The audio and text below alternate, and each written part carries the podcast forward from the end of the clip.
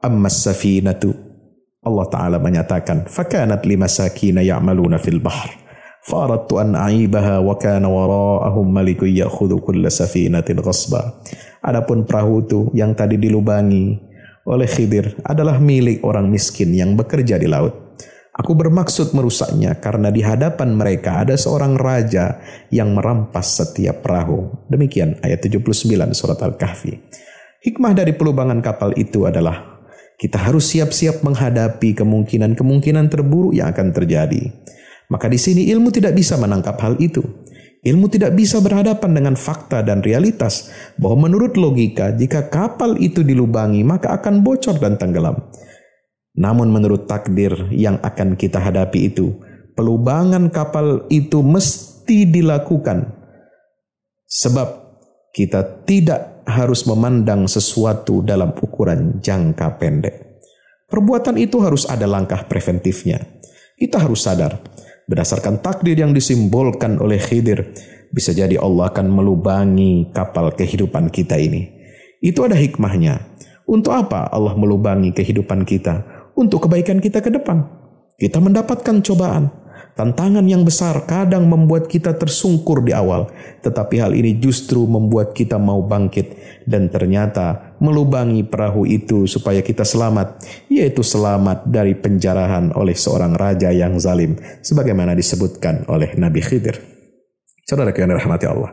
Saat ini misalkan, pemerintah kita dihadapkan pada dilema pilihan yang sulit dalam menangani pandemi global. Pertama, pilihan social distancing. Murah di depan, tetapi belakangnya bagaimana?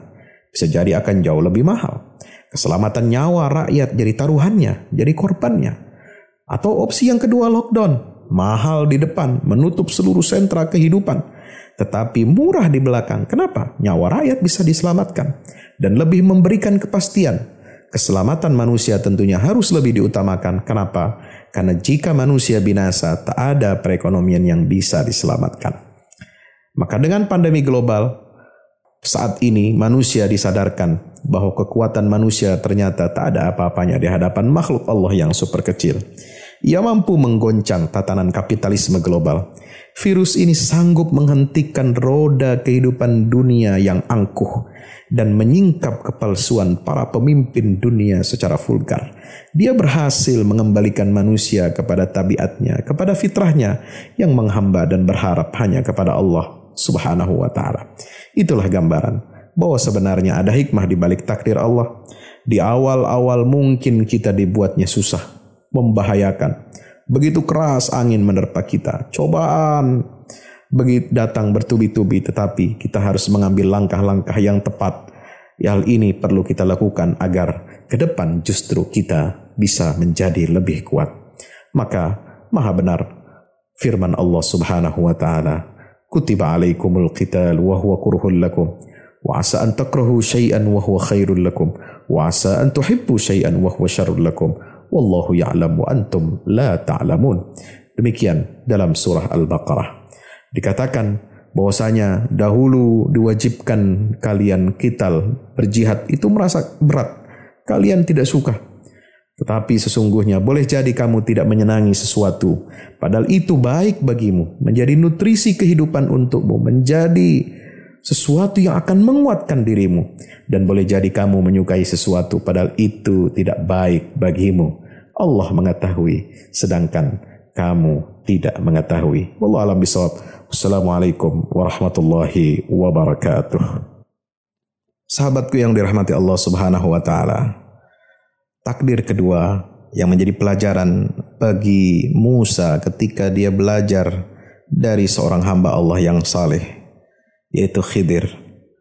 Takdir kedua itu adalah berupa kematian yang dapat menyapa siapa saja, kapan saja, dalam kondisi apapun.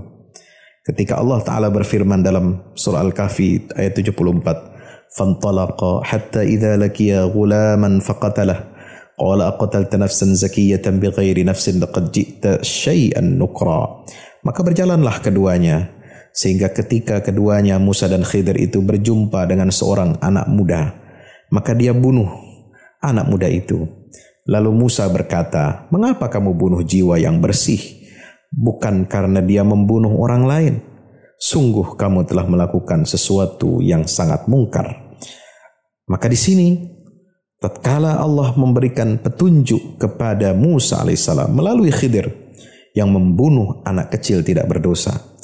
Hal mana ini berbicara tentang kematian. Mengapa setiap yang bernyawa selalu takut dengan mati? Mengapa yang hidup kadang-kadang tidak terima dengan yang namanya kematian? Saat keluarga kita ada yang meninggal, anak kita dicabut nyawanya, suami atau istri kita berpulang menghadap Allah lebih dulu dari kita Terkadang muncul sikap tidak terima dengan kenyataan yang ada, sehingga terus meratapi dan menyesali. Subhanallah. Saat pandemi global ini menyerang dunia dan juga Indonesia, tidak sedikit korban nyawa berjatuhan, baik itu dari kalangan masyarakat awam, kelas men, kelas atas, bahkan ada di negara-negara lain yang menjangkiti pejabat-pejabat pemerintahan ataupun dokter para medis. Banyak anak yang kehilangan ayah bundanya, suami kehilangan istrinya, istri kehilangan suaminya. Kematian yang tidak terduga merenggut semua bentuk kelezatan dan mencabut semua kenikmatan. Banyak yang tertegun, sedih, bahkan untuk menyalatkan jenazah kawan sendiri atau keluarga sendiri harus dengan salat gaib. Ya Rob, tidak ada manusia yang menginginkan kematian baik itu kematian anak, ayah, bunda atau kawan seprofesi yang direnggut nyawanya. Wa ammal ghulamu fakana li ghula fa ammal wa ammal ghulamu fakana abawahu mu'minaini fakhashina ayyurhiqahuma tughyanan wa kufra. Inilah rahasianya. Kenapa Khidir membunuh anak muda itu dengan izin Allah, dengan restu Allah? Di ayat 80 dikatakan, adapun anak muda yang kafir itu, kedua orang tuanya mukmin, dan kami khawatir kalau dia akan memaksa kedua orang tuanya kepada kesesatan dan kekafiran. Di ayat ini, hikmah membunuh anak kecil yang dianggap tidak berdosa itu dijelaskan. Kalau kita artikan dalam perspektif personifikasi takdir, sebenarnya bukan Khidir yang membunuh anak itu, melainkan itu adalah kehendak Allah untuk mencabut nyawa sang anak. Khidir hanya sebagai wasilah atau alat Sementara Allah yang berkehendak untuk mencabut nyawa anak tersebut. Karena Allah mempertimbangkan kedua orang tuanya adalah orang yang beriman. Khawatir jika anak tersebut tadi tumbuh menjadi dewasa, justru anak itu akan menyengsarakan dan menyulitkan orang tuanya di dunia dan di akhirat. Karena itu, Allah ingin menggantinya dengan anak yang lebih baik dan lebih saleh.